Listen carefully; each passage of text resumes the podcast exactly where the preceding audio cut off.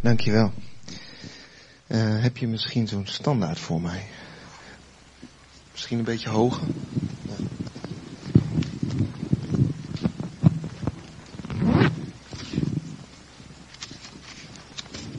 Is goed. Dankjewel, Cor.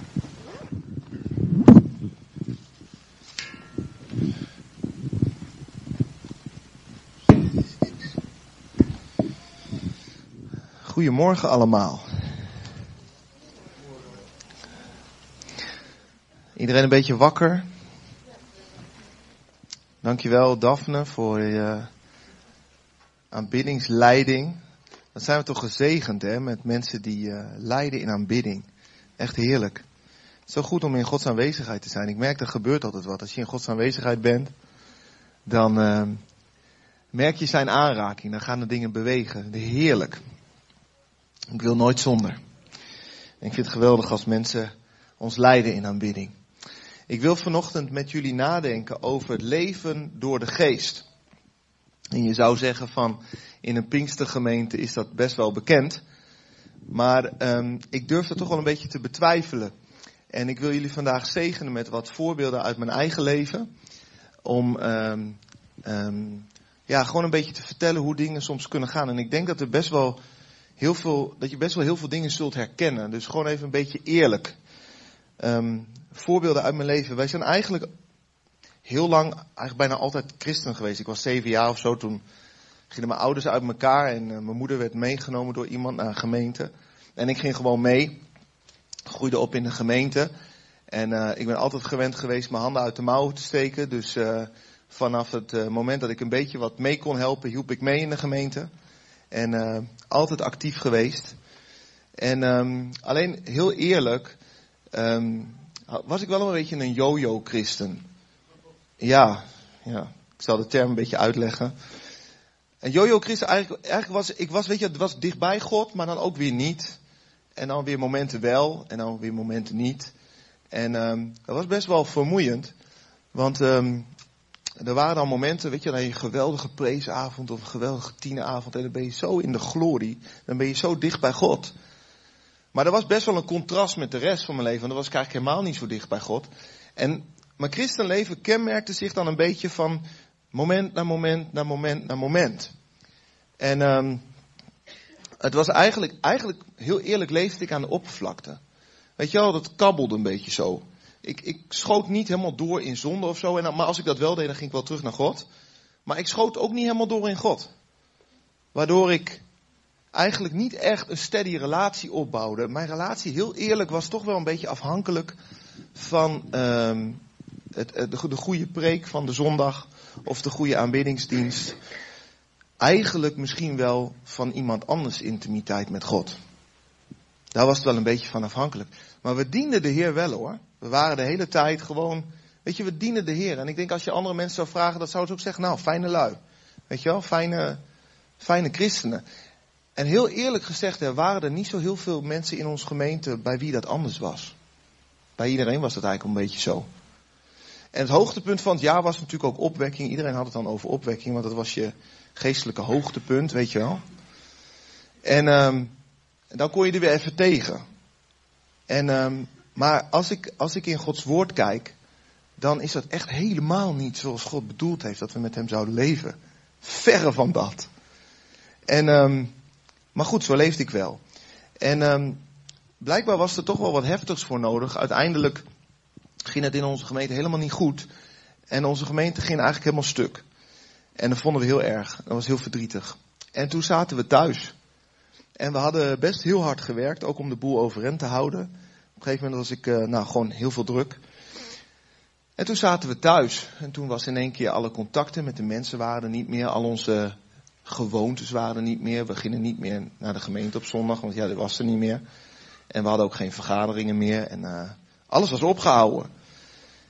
En toen zaten we thuis en toen werd het in één keer heel erg stil. En je zou eigenlijk verwachten als je dan thuis zit en het wordt stil, dat je dan terugvalt op de kern waar je geloof om draait, je relatie met Jezus.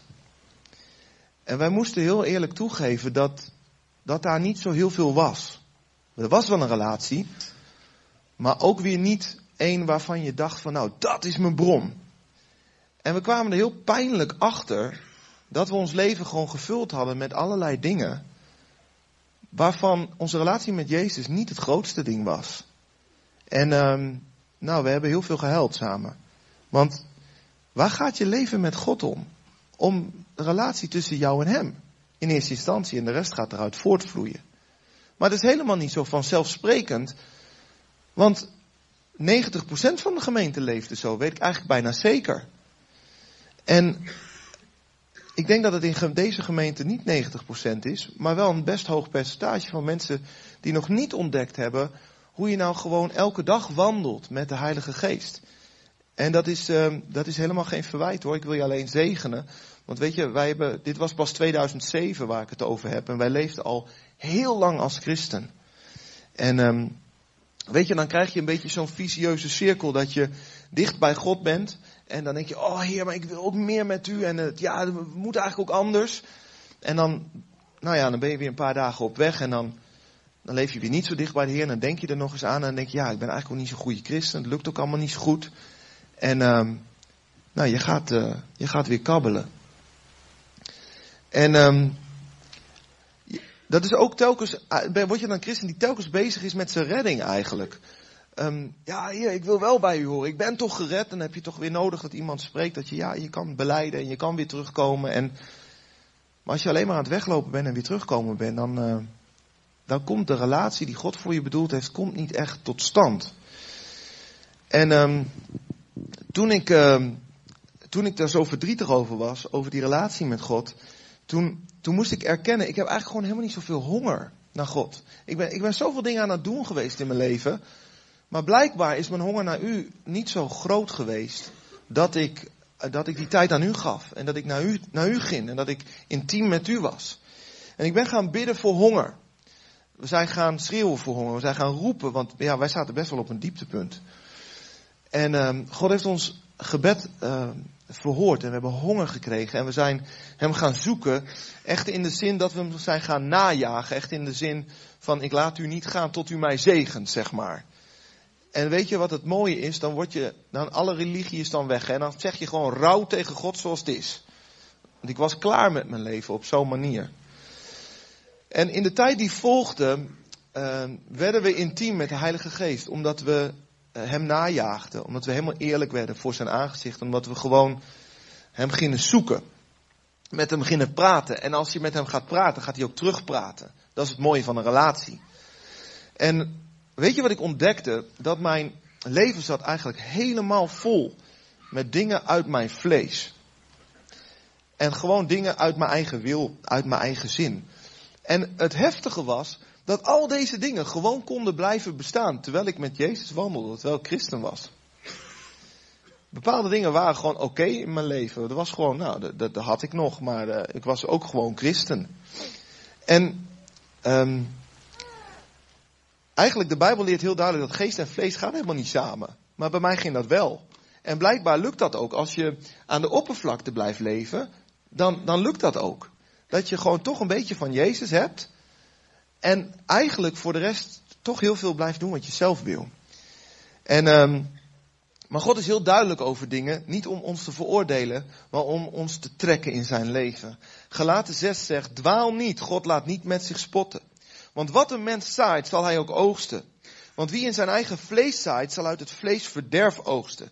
Maar wie in de geest zaait, zal uit de geest het eeuwige leven oogsten. Nou, dit kan gaan over je redding, maar het kan ook gewoon gaan over um, wat je zaait, dat je dat ook zal oogsten. Kijk, als je in je vlees oogst, dan weet je, of zaait, dan weet je dat um, de dingen die je daaruit oogst alleen voor dit leven zullen zijn. Ze hebben geen eeuwigheidswaarde. Al deze dingen, um, ook de goede werken die je uit je vlees hebt gedaan, die gaan verbranden als je bij Jezus komt. Jezus zegt van, ik zit daar niet in, dus ik, ja, dat heeft geen eeuwigheidswaarde. En als je bedenkt hoe lang je hier op aarde leeft en hoe lang je eeuwig leeft, dan zou het best wijs zijn om te investeren in deze geestelijke zaken, dingen die uh, eeuwigheidswaarde hebben en blijven. Gelukkig zegt God ook, als je uit de geest, in de geest zaait, zal je het eeuwige leven oogsten. Sterker nog, dat zal voor dan zijn. Maar ik ontmoet zat mensen die heel veel in de geest zaaien. Nou, dat proef ik het eeuwige leven nu al hoor. Dat proef je nu al. Want weet je wel, ik blijf leven met God. De relatie die ik met de Heilige Geest heb, die blijft. En ik ben eens even wat ingegaan op um, het vlees. Wat, is dat nou allemaal? En wat zegt de Bijbel daarover? Nou, 1 Korinthe 15 zegt, wat uit vlees en bloed bestaat, kan geen deel hebben aan het koninkrijk van God. Het vergankelijke krijgt geen deel aan onvergankelijkheid. Met andere woorden, wat in je vlees hier gebeurt, gaat niet mee. En je zult toch voor altijd leven met God. Daarom moeten we opnieuw geboren worden uit de geest. Want anders kunnen we helemaal niet bij God zijn. Romeinen 8 zegt, vers 7, ons eigen wil staat vijandig tegenover God. Want hij onderwerpt zich niet aan zijn wet en is daar ook niet toe in staat. Wie zich door zijn eigen wil laat leiden, kan God niet behagen. Gelaten 5 zegt, wat wij uit onszelf najagen is in strijd met de geest. En wat de geest verlangt is in strijd met onszelf. Het een gaat in tegen het ander. Dus u kunt niet doen wat u maar wil. Maar wanneer u door de geest geleid wordt, bent u niet onderworpen aan de wet. Het is bekend wat onze eigen wil allemaal teweeg brengt. Nou, hou je even vast. Ontucht, zedeloosheid, losbandigheid, afgoderij, toverij, vijandschap, tweespalt, jaloezie, woede, gekonkel, geruzie, rivaliteit, afgunst, bras- en slempartijen en nog meer van dat soort dingen. 2 Petrus 2 zegt, mensen die onreine begeerte en het vlees achterna lopen, verachten gezag, zijn roekeloos, zijn eigenzinnig en schrikken er niet voor terug om al wat eer toekomt te lasteren. Dat klinkt Nederlands. Vind je niet? Als je even heel eerlijk bent, aan ons land, scoren we best hoog op. 1 Johannes 2 zegt de begeerte van het vlees is het hoogmoed van het leven. Het is niet uit de vader, maar uit de wereld. Als je, als je bestudeert wat er uit het vlees voortkomt, is eigenlijk, ons vlees doet zijn eigen zin. En er komt niet zoveel goeds uit voort. En dat zien we om ons heen in de wereld. En dat zien we soms ook in ons eigen leven. En ons vlees wil ook nog wel goede dingen doen, want we zien wel goede dingen. Maar als we deze goede dingen doen, die willen we dan uit eigen kracht doen. En als we dat dan voor elkaar hebben, ja, dan worden we hoogmoedig, want uh, ik heb uit eigen kracht iets voor elkaar en jij niet, want ja, jij hebt je best niet voor gedaan en ik wel. Dus ik ben eigenlijk iets beter dan jij, want ik ben al verder. En dat eert God ook helemaal niet. Weet je, ons eigen vlees eert God niet. Het staat tegenover wat de Heilige Geest doet. In 1 Johannes 4 wordt gesproken over Jezus. een heel belangrijk ding als het gaat over het vlees. Hieraan, hieraan leert u de geest van God kennen. Elke geest die beleidt dat Jezus Christus uit het vlees is gekomen, is uit God. En elke geest die niet beleidt dat Jezus Christus uit het vlees is gekomen, is niet uit God. Nou, waarom is dat nou zo belangrijk? De Heer Jezus is natuurlijk ons grote voorbeeld. De Heer Jezus laat zien hoe het kan. De Heer Jezus laat zien dat God bij de mensen wil zijn. Maar de Heer Jezus laat ook zien, hij is in het vlees gekomen, dat hij niet als God alles gedaan heeft, maar als mens. En als alles wat hij gedaan heeft, als hij dat had gedaan als God, vond ik het nog steeds geweldig. En zou, zou ik nog steeds zeggen, wauw, ik wou dat ik dat ook zo kon. Maar als hij het uit het vlees gedaan heeft, wat hij dus gedaan heeft, dan is het ook bereikbaar voor mij. Immers, ik ben ook in het vlees gekomen. En Jezus kon alleen doen wat hij deed, omdat hij totaal afhankelijk was van de Heilige Geest. Omdat hij zo intiem was met God de Vader, zo hem gehoorzaamde. En zo intiem was met de Heilige Geest, daardoor kon hij volbrengen wat hij deed. En daarom is het ook zo belangrijk dat, je, dat we dit geloven. Nou, wat ik merkte toen ik meer intiem was met de Heilige Geest, is dat er allerlei dingen waren die al jaren gewoon bij mijn leven hoorden, maar die gewoon totaal uit mijn vlees waren. Bijvoorbeeld, een van de makkelijkste voorbeelden en, en, is uh, mijn rookverslaving. Ik was uh, rookverslaafd. Ik was uh, eh, 13 jaar en ehm, nou, toen was ik samen met, met nog een paar van die opgeschoten gastjes, was ik, begon ik te roken. En dat vonden we wel stoer. En uh, weet je wel, dat is ook een beetje zo'n groepsdingetje, weet je wel, dat doe je dan samen, weet je wel. Dan ga je samen uh, ergens achter een muurtje staan en dan samen roken. Nou, heb jij sigaret, heb jij sigaret en niemand had natuurlijk geld. En um, nou ja, zo ontwikkelt zich zo'n gewoonte. En ik dacht vanuit mijn hoogmoed, ach, ik word niet verslaafd. Nou, en op een gegeven moment uh, dacht ik van, nou, ik rook alleen als met die jongens en gezellig. En nou, was helemaal niet zo. Ik rookte gewoon altijd. Ik was hartstikke verslaafd. En dat ging helemaal niet goed. En um, zo in mijn leven was het wel een strijd. En ook toen wij, Aren en ik, verkering kregen en zo, ja, ik rookte, was natuurlijk eigenlijk niet zo, ja, stond niet zo mooi. En, uh, maar ze maakte zich ook wel zorgen over mijn gezondheid en zo. En ik was wel heel vaak gestopt, weet je wel. En dan stopte ik twee weken en dan, nou, dan, dan, dan lukte het niet meer. En, en dan, dan kocht ik nooit een heel pakje, maar zo'n klein pakje van Camel met tien stuks, weet je wel. Zo'n lekker overgangspakje. En, uh, en als ik dan sprak over stoppen, weet je, dan sprak ik altijd, ja, een vriend van mij die, uh, die, die kan gewoon alleen maar een sigaretje roken, gewoon als het gezellig is. Weet je, wou dat ik dat ook kon. Weet je wel? Maar ondertussen liet ik het gewoon niet los. Weet je wel, het was gewoon zo'n deel van mij. En ik was echt hartstikke verslaafd. Ik zou echt gewoon een sigaret van de straat oppakken. Zo uh, desperate was ik.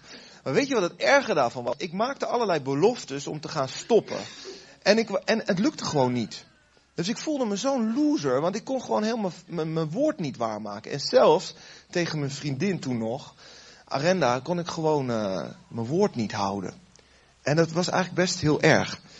En ik wist altijd wel hoor dat dat niet helemaal klopte bij een leven in de vrijheid van de geest. Nou, als je dan gebonden bent door een verslaving, dat is dan dat is niet helemaal compatible. En dat wist ik wel, maar het was een beetje weggezakt. En ik merkte toen ik um, relatie begon te hebben met de Heilige Geest, begon, begonnen die dingen te spelen. En dat was niet zo dat de Heilige Geest binnenkwam en dat er allerlei oordeel was hoor. Het was gewoon van binnenuit dat ik ervoer van, ja maar dit is, dit is niet wat God heeft voor me. Dit is gewoon, past niet zo bij Hem. En dan ga je een heel eerlijk proces met God door.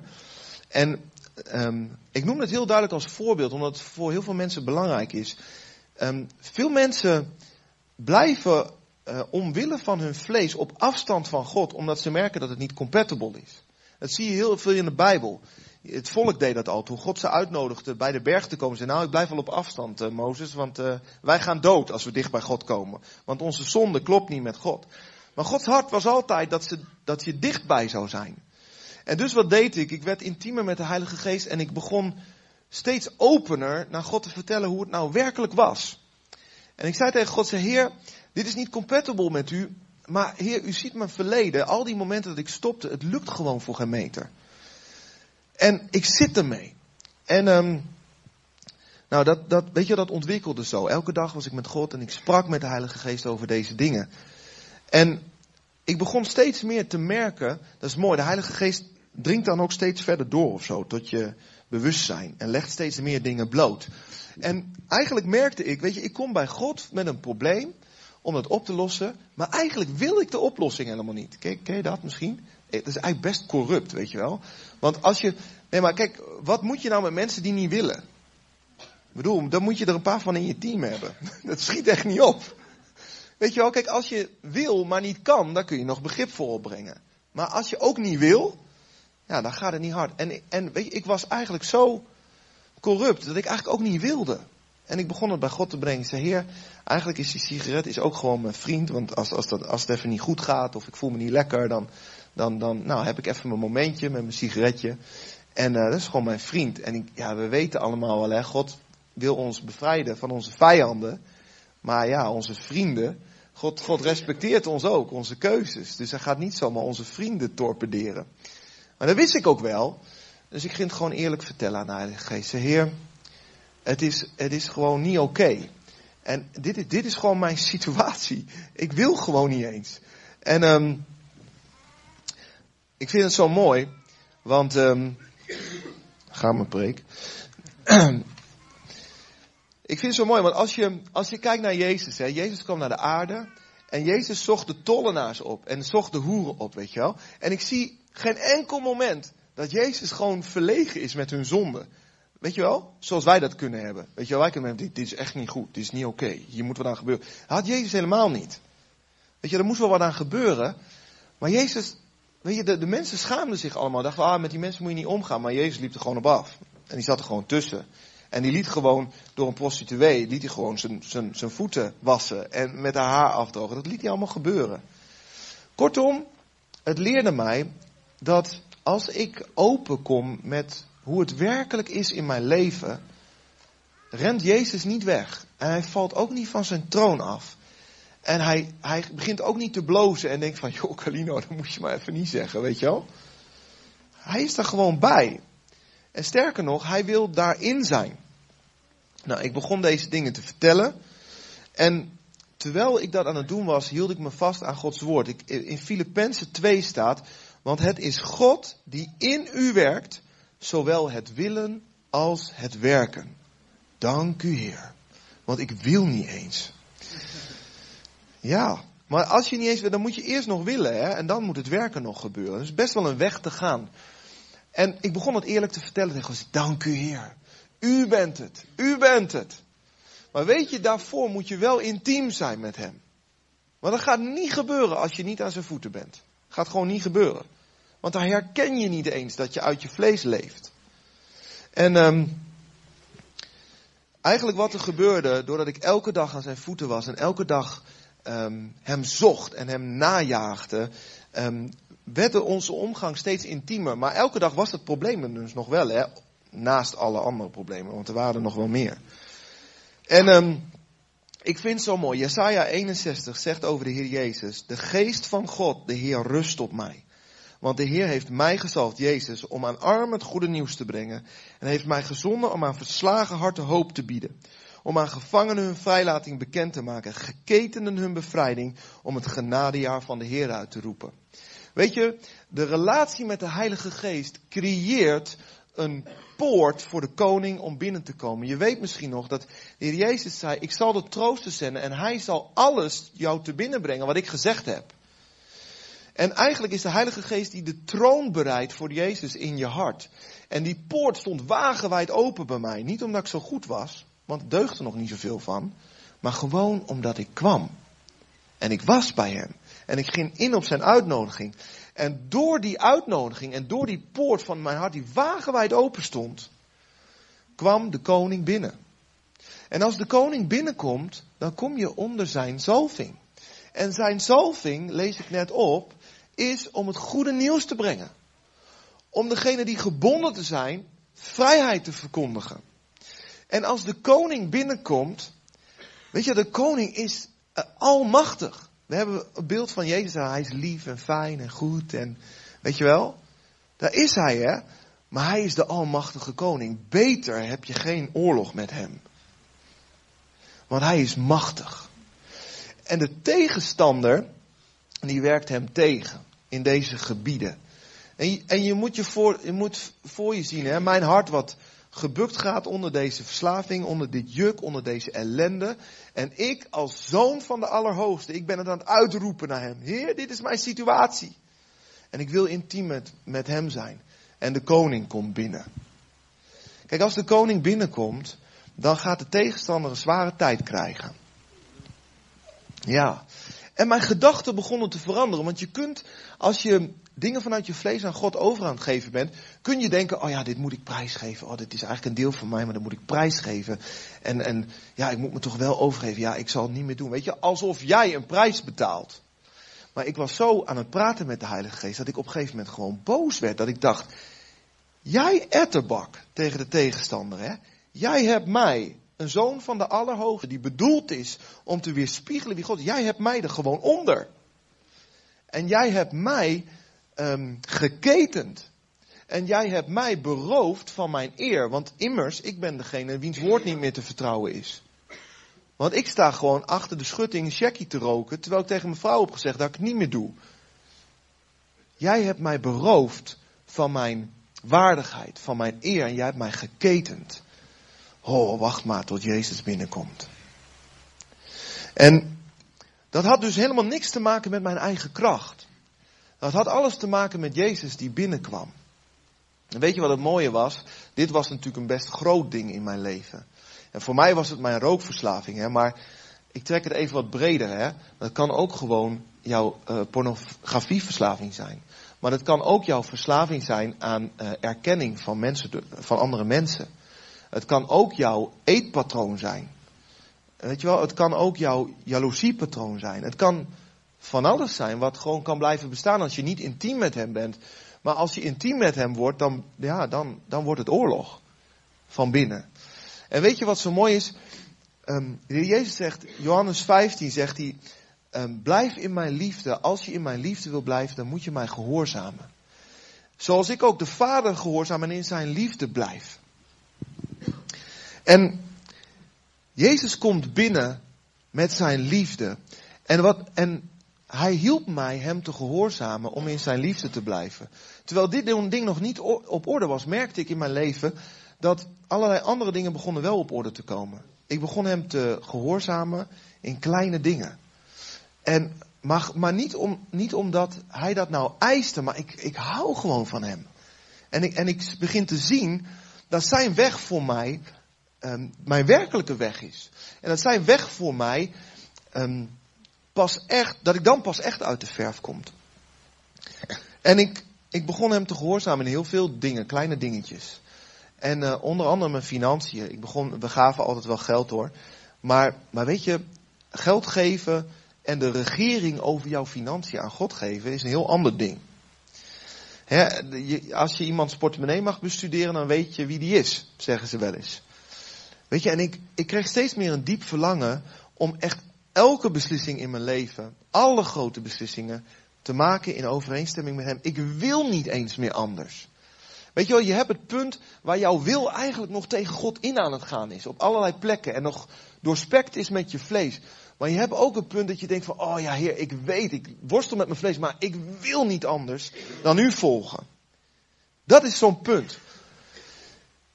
En dan wordt het oorlog tegen jouw vlees. En ik zei, oh heer, maar ook mijn financiën. Maakt niet uit wat u van me vraagt. Ik wil, ik wil u gehoorzamen. Nou, financiën, we beginnen tiende geven en luisteren naar de Heilige Geest als er dingen gebeurden. En weet je, denk niet hè, dat het een eenmalig check is hè, en dat je er dan bent of zo. Hè. Um, we blijven zwakke mensen in vlees. Hè, en het gaat ook helemaal niet over mij hoor. Want als jij mijn leven gaat zien, uh, van binnen, van buiten, en degenen die me van dichtbij kennen, die zien ook, dat er rammelt nog echt wel wat hoor. Daar gaat het helemaal niet over. Maar het gaat erover dat hij binnenkomt. En dat hij iets begint te herstellen en te genezen. En elke ochtend was ik dus aan het uitroepen voor die verslaving. En ik dacht, oh man, ik hoop dat God echt komt. Hè? Want je kunt je voorstellen als je dat elke dag doet, hè, dat er wel een soort spanning opbouwt. Hè? Dan moet hij het ook wel op een gegeven moment natuurlijk gaan doen. Want ja, dat is wel pittig. En toen kwam het moment dat een van de broeders hier in de gemeente, die zei oh, rook jij? En uh, ik zei, ja. Hij zegt, oh, maar dat geeft niet hoor, want de Jezus weet er wel raad mee. En uh, ik ga volgende week voor je bidden. En dan ben je aan de beurt. En uh, ik dacht, oké, weet je wel. ik, zal, ik zal gewoon heel eerlijk met je zijn, hè? echt om je te bemoedigen. Ik rookte gewoon door die hele week. En zaterdags, voor de dienst dus, had ik mijn check op. Ik denk, ja, dan moet ik ook wel meewerken, weet je wel. Dan moet ik ook niet nieuwe checken, want ja, ja, hoe ongelovig kun je zijn als je dan een nieuwe check gaat halen voor een week, weet je wel? Dus ik deed dat niet. Oké, punt voor mij. En de volgende ochtend, zondagochtend, had ik dus niks gerookt. En ik was best verslaafd, vertelde ik al. Dus uh, ik loop uh, voor het Isen door en ik zeg tegen een paar andere rokers, zeg, uh, joh, heb je een sigaretje voor mij, want mijn check is op. Hoe gelovig kun je zijn?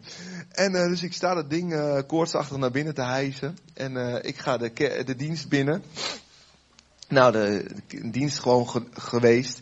En ehm, het was Robert Hans die met mij ging bidden. En die, had, die was bij de kinderen.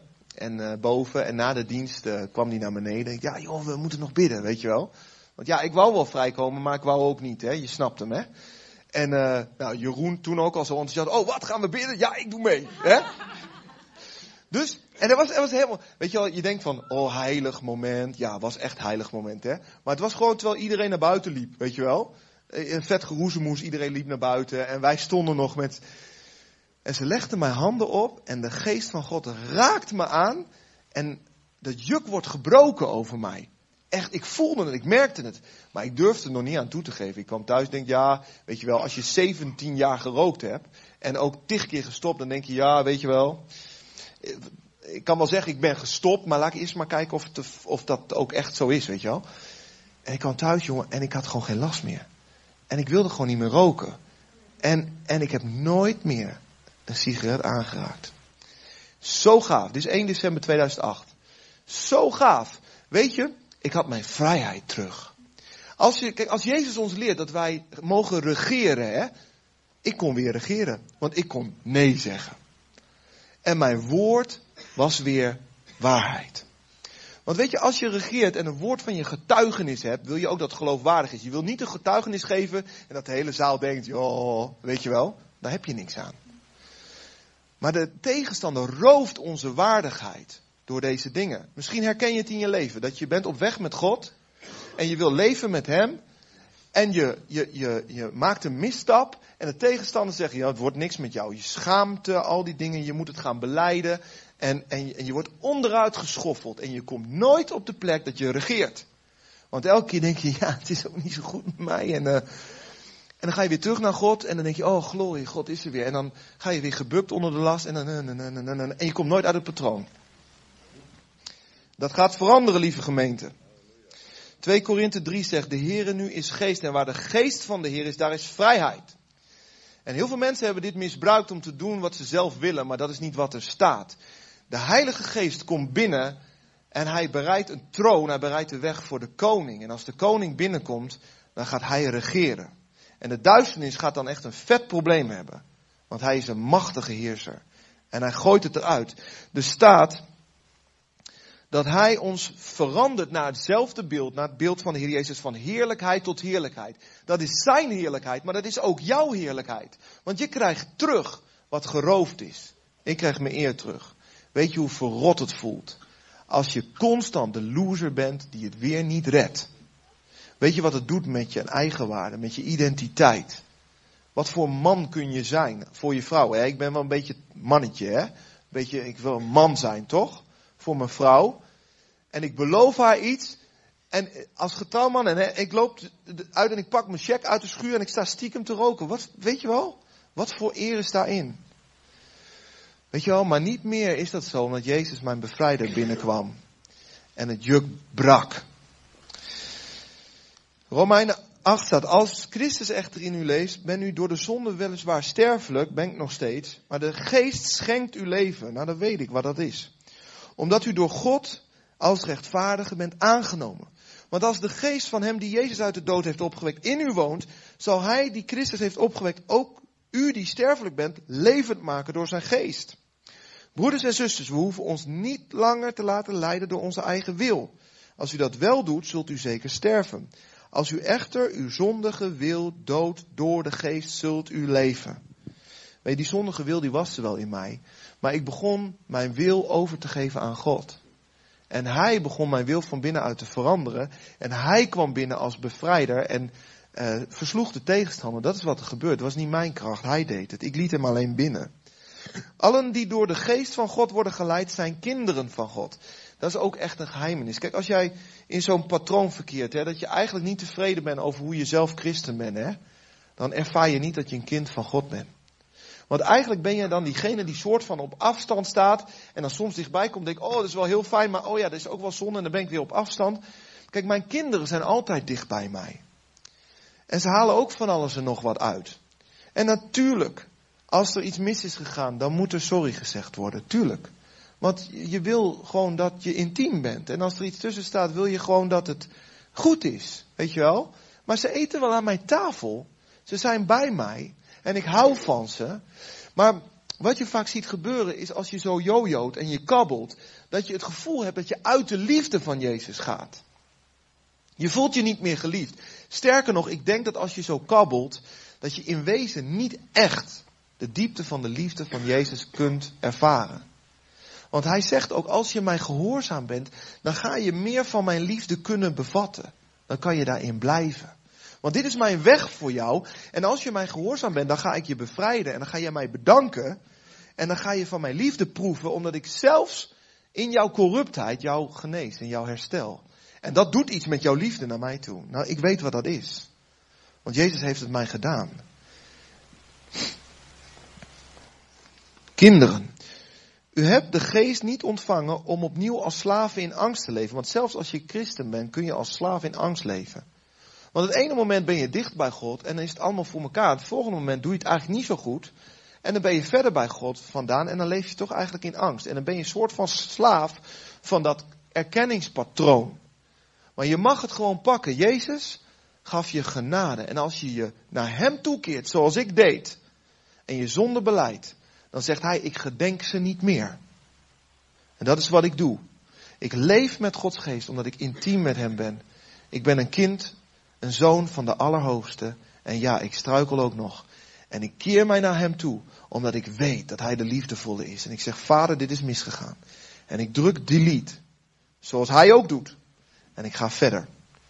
En ik, ik nodig de Heilige Geest uit om meer en meer en meer zijn koninkrijk hier te brengen.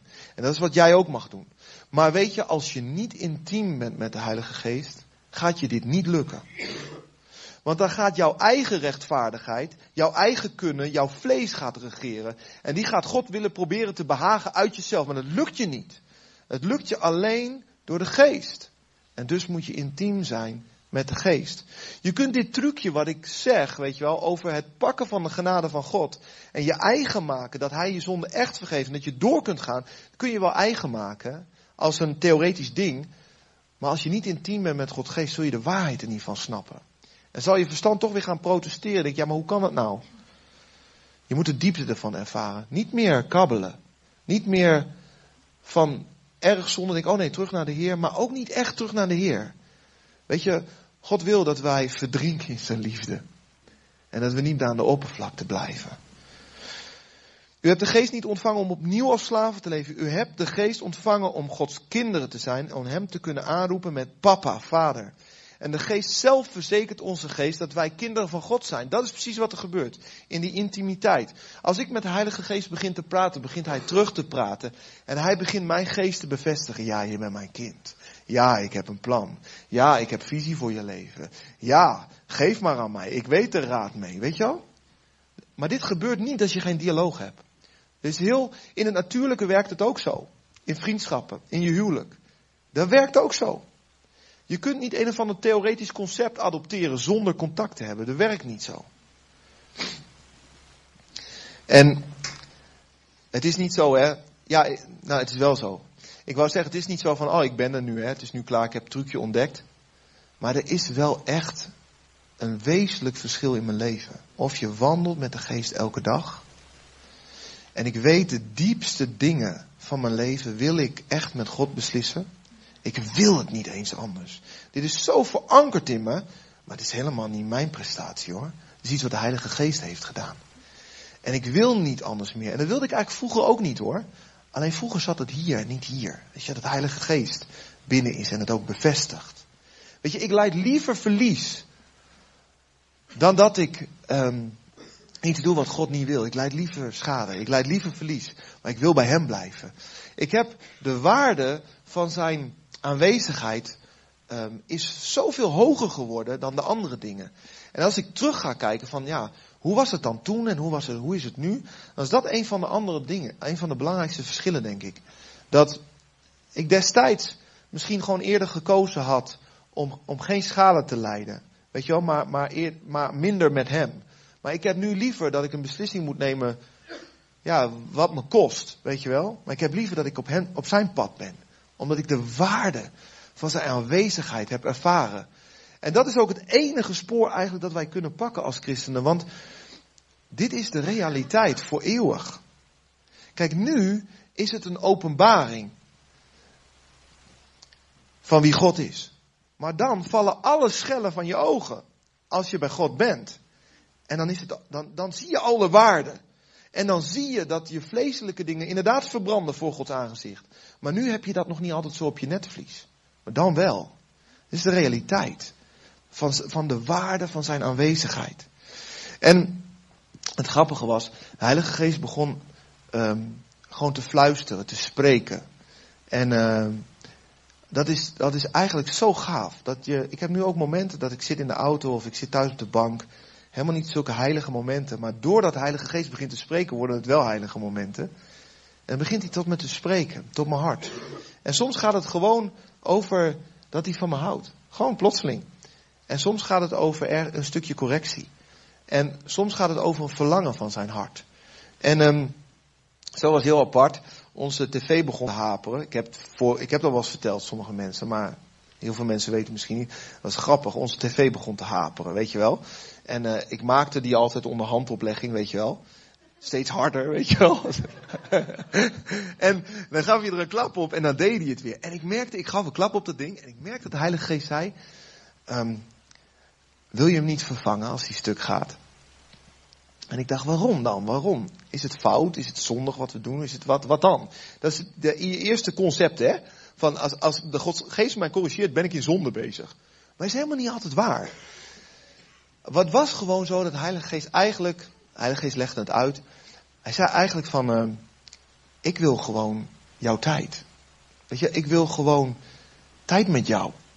Eigenlijk gek dat de Heilige Geest zich zo kwetsbaar opstelt. Net als mijn zoontje die eigenlijk tijd met mij wil, weet je wel?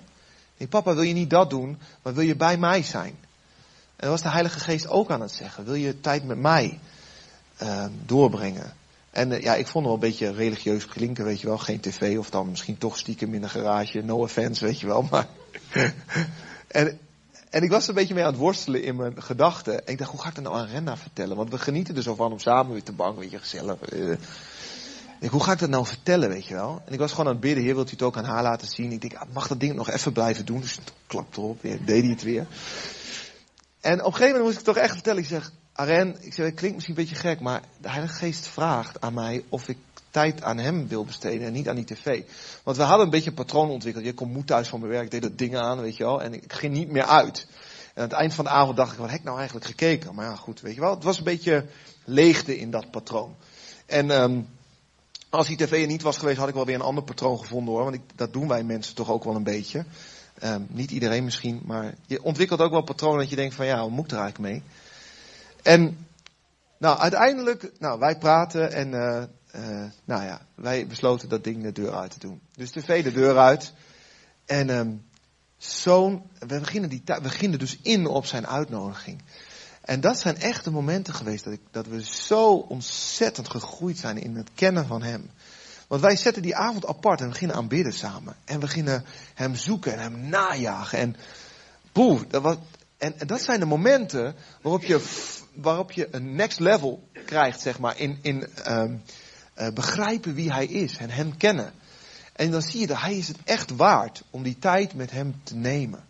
Nou moet ik heel eerlijk zijn tegen jullie, hè? want dit klinkt natuurlijk heel gesalfd allemaal en dat is het ook hoor, echt. Het is echt gaaf. Maar ik ook ontwikkel in mijn leven weer momenten dat ik hartstikke druk ben en denk, oh, even chill, even dit en dat. En dan kan ik zo weer een patroon ontwikkelen wat uh, niet zondig is per se, maar wat uiteindelijk God niet zoekt. Snap je? En nou zeg ik ook niet dat, je, dat wij alleen maar thuis moeten komen en uh, in aanbidding op de grond moeten liggen, weet je wel. We leven ook gewoon als mensen. Ja, we zijn gewoon gewone mensen hoor. Maar hij is het zo waard om je tijd aan te geven. Dat wil ik eigenlijk zeggen. En, en er komt zoveel vrucht en zoveel zegen vandaan. En weet je, als jij nou merkt in je leven van ik, heb, ik leef eigenlijk helemaal niet in overwinning. En ik heb eigenlijk allerlei dingen van mijn vlees. Gewoon, die zijn er gewoon. Terwijl ik christen ben. Terwijl de Bijbel zegt dat het helemaal niet kan eigenlijk. En dat het met elkaar in strijd is. Weet je, dan is echt het antwoord intiem worden met Gods geest. Je ziet gewoon ook veel christenen die wel, wel willen hoor. Ze zijn gewoon hele toffe mensen. Maar ze dragen eigenlijk gewoon helemaal nog geen vrucht. Je ziet helemaal niet dat het vuur van Gods geest er is. En het, weet je, dat komt gewoon omdat het ontbreekt aan intimiteit. Weet je wel, wij zijn echt niet beter geworden door onszelf. Kijk ons nou is. Weet je wel, wij hebben Jezus leren kennen en de Heilige Geest leren kennen als degene die echt bevrijders zijn. We hebben tijd besteed aan Hem. En ik moet heel eerlijk zeggen, als ik preek, preek ik heel vaak tegen mezelf hoor, als ik hier sta. En uh, een tijdje geleden tikte de Heilige Geest me ook weer even een beetje op de vingers van, joh, hé, hey, um, is je patroon nog steeds, is jouw hart nog steeds zo verlangend naar mij? Of zijn er weer allerlei andere dingen die een grotere plek hebben ingenomen? Hij, hij roept me weer. En ik zei tegen Aren, het helpt hè, als je dat gewoon tegen elkaar zegt, dan is het er ook hè, als je het in één keer zegt. Ik zeg, ja, de Geest uh, rammelt toch wel weer aan mijn hart. Dat ik toch uh, in alle drukte. Uh, gek eigenlijk, hè? als je ontspanning wil vinden, moet je eigenlijk bij Hem zijn. Hij is de vredevorst. Wat dan, weet je wel? Maar toch zoek ik het weer ergens anders dan soms. En dat wil helemaal niet zeggen dat ik dan meteen in zonde val of zo, in allerlei ellende. Maar het is gewoon niet met Hem erin, weet je wel? En Hij wil gewoon de eerste plek hebben. En uh, Niet als een tiran. Maar weet je, als alle schellen van onze ogen vallen, dan heeft hij gewoon de eerste plek. Dat, ga je dat is gewoon een realiteit. De vraag is of ik het ook erken. En invulling in mijn leven ga geven. Galaten 5 zegt, de vrucht van de geest is liefde, vreugde, vrede. Ook die vreugde, hè. Ik was heel vaak gewoon helemaal niet zo blij. Gewoon bezorgd, weet je wel. En nu, ik merk, als ik tegen de Heilige Geest zeg, s ochtends als ik in mijn auto stap, zeg Heer, Heilige Geest, dank u wel. Dat u er bent met uw vreugde. Hij is een bron van vreugde. De Bijbel zegt, hij woont in mij. En als ik dat tegen hem zeg, dan is het als het ware zo van binnen dat hij zegt, ja, dat ben ik. En daarmee, met die ja van hem, um, zet hij een stukje van zijn vreugde vrij. Dat, hij doet dat echt. Je moet het ontdekken, maar hij doet dat echt. En dat is over vreugde. Vrede, geduld, vriendelijkheid, goedheid, geloof, zachtmoedigheid, zelfbeheersing. Weet je, deze dingen heb ik allemaal zo nodig. En uit mijzelf komen deze dingen echt niet. Ik ben uit mezelf hartstikke ongeduldig en nog heel veel meer van dat soort dingen. Amen. nog meer amens? Ja, ja, ja. ja, het is zo. Weet je wel? Ja, maar jullie hebben ook wel wat. en we hebben zo Jezus nodig, weet je. Want anders gaat de wereld echt niet zien dat hij zo goed is als ik mijn eigen dingetjes blijf laten zien. Ja. En ik merk, ik merk, weet je, door die, door die door intimiteit met de Heilige Geest merkte ik ook dat ik mijn ambitie aan God ging geven. Ik ben best wel een beetje een strebertje, ambitieus mannetje. En ik ging, ik ging echt het aan God geven. Ik zei, Heer, u mag zeggen wat ik ga doen. En uh, ik ga niet meer de volgende promotie maken. Weet je, ik ga niet meer streven naar de volgende titel en de volgende promotie en al die dingen meer. Heer, u mag het zeggen. En het grappige is, ik heb alleen maar promoties gekregen. dus, weet je wel, maar de ambitie is eruit. En uh, ik wil voor hem leven. En uh, weet je, het, dat gebeurt van binnen. Dus je gaat van het oppervlakte leven, dat je eigenlijk denkt, maar ik wil ook wel de Heer dienen. Dan ga je van binnen denken, oh, ik wil de Heer dienen. In elke beslissing. Ook al kost het me. En dan, ik moet heel eerlijk zeggen, in mijn eigen leven, en ik, ik zie het ook wel in de gemeente, er zijn heel weinig mensen die eigenlijk een prijs willen betalen. Weet je wel? Maar weet je, dat komt eigenlijk omdat je de liefde en de waarde van wie hij is niet, niet hebt gepakt. Want als je het dan gaat afwegen tegen de, de, de kosten die je hebt, ja, vind ik niet zo leuk, moet dit en dat, en moet dat prijs geven, weet je wel? Dat gevoel, hè, dat ken ik hoor, levendig. Maar als je de waarde van de intimiteit met Gods geest, dan wil je van binnenuit niet anders. Ik, oh, maak me niet uit, ook al kost het. Ik wil u. Dat is echt zo'n ander level, maar dat komt doordat je niet meer aan de oppervlakte blijft, maar de diepte ingaat. Daardoor komt het. Paulus geeft ons het stappenplan naar het kennen van God in zijn volheid. En ik geloof dat dit stappenplan ook het, eigenlijk het enige stappenplan is. En het ook, er zijn geen shortcuts. Paulus zegt in Efeze 3, vers 14, om deze reden buig ik mijn knieën voor de Vader van onze Heer Jezus Christus, naar wie elk geslacht in de hemelen en op aarde genoemd wordt. Opdat hij u geeft naar de rijkdom van zijn heerlijkheid, met kracht gesterkt te worden door zijn geest in de innerlijke mens. Dus wat zie ik? Stap 1. Je buigt je knieën. Paulus doet het in voorbeden, maar je kan het ook voor jezelf. Je buigt je knieën en zegt, Heer, ik zoek u. Heer, ik heb helemaal geen honger, maar ik wil honger. En ik kom bij u. En wat er dan gebeurt, opdat hij u geeft naar de rijkdom van zijn heerlijkheid met kracht gesterkt worden door zijn geest in de innerlijke mens. Wat gebeurde? Mijn innerlijke mens werd gesterkt door zijn geest. Want aan mezelf kan ik helemaal geen nee zeggen tegen allerlei dingen. Uit mezelf streef ik alleen mijn eigen belang na. En mijn eigen begeerte en mijn eigen ellende. Maar als hij erin komt, word ik met kracht gesterkt. En dat is, dit is een hele aparte. Opdat Christus door het geloof in uw harten woont en, in, en u in de liefde geworteld bent. Dat is gek hè, dat hij zegt eerst gesterkt worden door de geest en dan geworteld zijn in de liefde. Dat is heel apart. Maar ik heb daarover zitten nadenken in het licht van deze boodschap. Hè. Ik kon Gods liefde eigenlijk niet goed pakken toen ik zo aan de oppervlakte leefde. Ik werd er wel door aangeraakt en het was wel aantrekkelijk, maar ik ging er niet in. Waardoor, als ik dan weer faalde of weg was bij God, waardoor ik zijn liefde ook niet ervoer. En de diepte daarvan ook niet. En ik dacht ook soms dat ik daaruit was. Maar nu ik gesterkt ben door de Heilige Geest, door zijn gemeenschap, kan ik de liefde van Jezus wel ontvangen. En heb ik daar uh, vertrouwen in. En ervaar ik het ook op mijn ziel. Ervaar ik dat mijn geest met zijn geest getuigt dat ik zijn kind ben. En daardoor stroomt er liefde in mijn hart. Dus als je zijn liefde wil ervaren en zegt, ik heb het nog niet zo diep ervaren. Intimiteit met de Heilige Geest gaat ervoor zorgen. Opdat u ten volle zou kunnen begrijpen met alle heiligen wat de breedte, lengte, diepte, hoogte is. En u de liefde van Christus zou kennen, die de kennis te boven gaat. Opdat, dus er zijn stadia, opdat u vervuld zou worden tot heel de volheid van God. God wil dat we net zo zijn als Hij. We zijn gemaakt in zijn evenbeeld. En helemaal getransformeerd naar zijn beeld zijn we helemaal in onze bestemming. Liefde van Hem ontvangend en teruggevend. In adoratie van wie Hij is. Hem de eer gevend. Zo totaal gek zijn op Hem dat de andere dingen van ons afgevallen. Dat is wat Hij wil. Maar dit is wel de weg. En het klinkt, het klinkt allemaal heel mooi en dat is het ook. Want het is echt de weg naar God. Maar het kost je wel een prijs. Weet je, de liefde van de Heer en zijn aanwezigheid is zo vol van waarde dat het ook een prijs heeft. Iets van waarde heeft een prijs.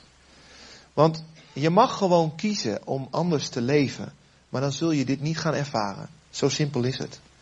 Als je niet ingaat in de intimiteit, als je eigenlijk, net als ik heel lang, gewoon kiest om niet aan zijn voeten te zijn, om niet hem na te jagen, dan ga je het ook niet ontvangen. En er zijn veel mensen, misschien ook wel vandaag, die eigenlijk uit angst op afstand blijven. Omdat je een verkeerd beeld hebt gekregen van wie God is. Omdat je denkt dat God je afwijst.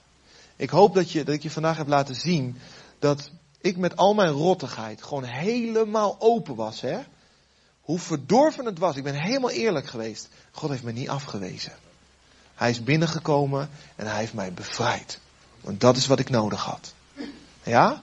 Dus dat is echt voor jou als je denkt van ja, maar ik, oh, ik, het is allemaal geleerd dat God is hel, verdoemenis, moeilijk, moeilijk.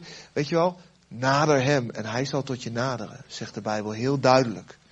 En als hij tot je nadert, dan ga je merken dat hij goed is. Maar je moet wel tot hem naderen. Maar er is ook een andere categorie mensen, en dat was ook een deel van mij, en die zitten ook hier, die gewoon in compromis leven. Dat je denkt van eigenlijk wil ik gewoon nog mijn vlees behagen. Ik wil dat gewoon. Weet je, God respecteert jou. Je mag dat willen.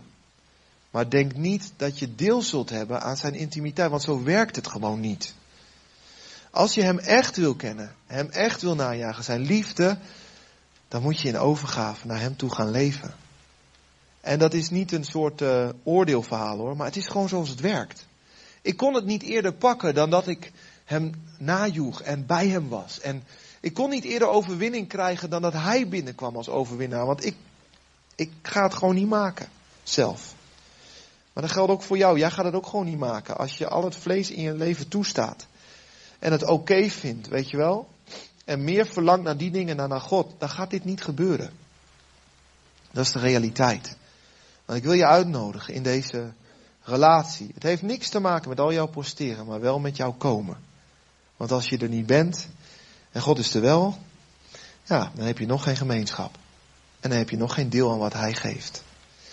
En dit is het leven van overwinning wat God voor ons heeft. En je zult gaan merken. En je merkt het ook aan mensen om je heen. Waarschijnlijk kunnen, kunnen heel veel mensen hier al mensen oproepen. Noemen in de gemeente, oh die is intiem, die is intiem met God, die is intiem, die is intiem. Want je proeft het gewoon als je met mensen spreekt. Je bent intiem met God. Ik daag je uit om dat ook te doen. Want God heeft een plek voor ons. In deze aarde. In deze wereld. Om zijn glorie te laten zien. En Romeinen 8 zegt, de schepping ziet rijkhalsend uit naar het openbaar worden van de zonen Gods. Maar als de kerk vol zit met mensen die niet durven zich zonen van God te noemen, en niet weten wat zijn intimiteit is, niet weten wat het hart van de Vader is, dan worden die zonen niet openbaar. En er zijn er heel veel gelovigen, maar er zijn er geen zonen die openbaar worden. Wanneer word je openbaar als zoon? Als je zegt, ik ben een zoon van de Allerhoogste. En ik wil je zegenen met deze dingen. Je hebt wat uit te delen. Waarom heb je wat uit te delen? Omdat je intiem bent geweest.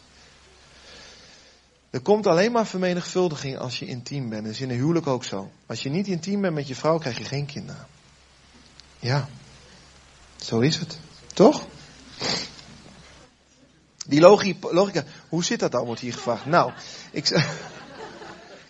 daarvoor hebben we de huwelijksvoorbereiding. Ja, gaan we heel diep op in dan.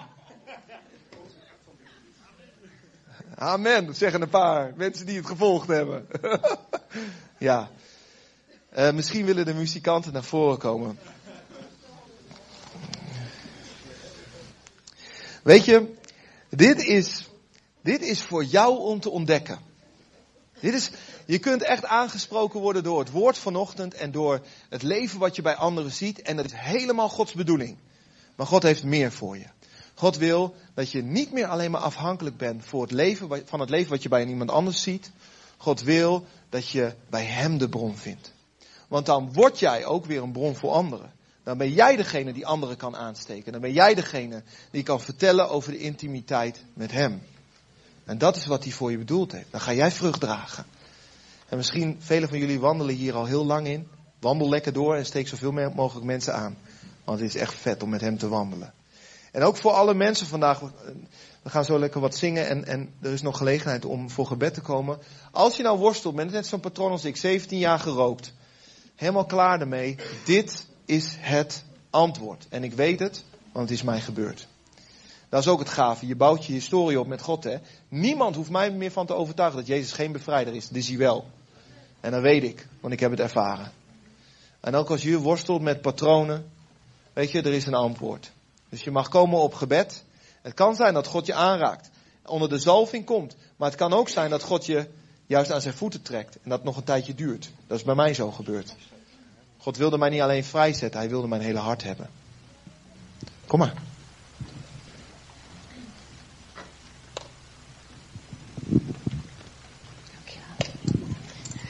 Mm, ik vind het heel mooi wat, wat je zegt. En um, ik zou iets uh, willen aanvullen uit uh, mijn eigen leven hierop. En uh, op de manier waarop ik mensen heb geholpen om dicht bij Jezus te komen. Die ook in een patroon zitten en um, niet die intimiteit kunnen vinden. en daarin vind ik het, de doop met de geest vind ik erg belangrijk. Um, uh, heel veel mensen die uh, verlangen naar het spreken in tongen. En uh, dan komen ze voor de doop in de geest en dan spreken ze in tongen. En dan denken ze, oké, dat was het. En dan af en toe spreken ze nog in tongen. Maar ik zou jullie willen vragen, alle gaven die er worden gegeven, genoemd in de Bijbel, daar, dat, die zijn allemaal voor een ander. Als je de gave van God krijgt, dan heb je de gave van genezing bijvoorbeeld, is voor een ander. Het gave in profiteren is voor een ander. Er zijn geen gaven die voor jezelf zijn, behalve het spreken in tongen.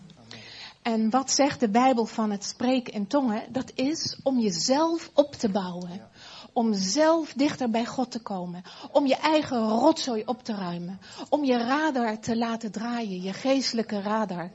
Om in vuur te komen bij de Heer Jezus. En het is dat spreken in tongen iets wat je constant doet. Onder de douche, op de fiets, in de auto. Dan bid je in tongen. Ik zit de hele tijd in tongen te bidden terwijl hij spreekt. En dat, het, het houdt je scherp, het brengt je bij God, het verandert de atmosfeer om je heen. Ik zal je zeggen, ik heb mensen gehad in huis die zwaar verslaafd waren aan roken, aan drinken, aan, aan heroïne, aan noem maar op. Die heb ik in huis gehad. En als ze gedoopt werden met de geest en ze gingen in tongen spreken, dan waren ze afgekikt. Ze hadden nergens zelfs last van. Ze gingen dan in tongen bidden en dan was het weg. En dan waren ze afgekikt en klaar. En ze bouwden zichzelf op. Dus ik zou jullie echt willen aanraden. Als je een hang-up hebt. Als je je niet dicht bij Jezus voelt. Als je um, dat hebt wat hij, waar hij het over heeft. Ga in tongen spreken. En als je dat niet doet, ga er naar verlangen. Want hij zegt, ik zal je de Heilige Geest geven als je erom vraagt. En niet een steen of een schorpioen of iets dergelijks. God geeft je die doop met zijn geest. Waardoor je jezelf kan opbouwen. Want alleen hij, hij is degene die er naar verlangt dat jij gaat lijken op hem. Dat jij een kleine Jezus wordt die de wereld rondgaat. Want hij is in de hemel, maar wij zijn hier. En wij zijn zijn vertegenwoordigers. En als jij datgene wat hij aan jou heeft gegeven om jouzelf op te bouwen, niet gebruikt, hoeveel zou hij jou meer geven? Wat hij je geeft, gebruik je niet. Waarom zou hij je meer geven? Dus ik zou jullie willen zeggen, ga in vredesnaam veel in tongen spreken. Paulus zei, ik spreek meer in tongen dan wie dan ook. Dat zei Paulus. Nou, ik ben lang geen Paulus. Dus hoeveel te meer heb ik het nodig?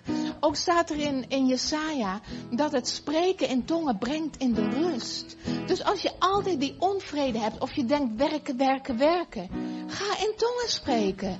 Dat is genade. En dan ga je vanuit die genade ga je werken. En dan is het geen probleem, geen moeite meer. Maar dan komt het vanuit de rust. Ja, dat wilde ik toevoegen. Dank jullie wel. Amen. Wel, preach it. Ja. Ja, dat is helemaal waar. De tongentaal is de intimiteit met de Heilige Geest. We gaan een lied zingen. En uh, wil het gebedsteam naar voren vragen. Dan gaan we samen bidden. 581. Ik wil heel dicht bij u zijn.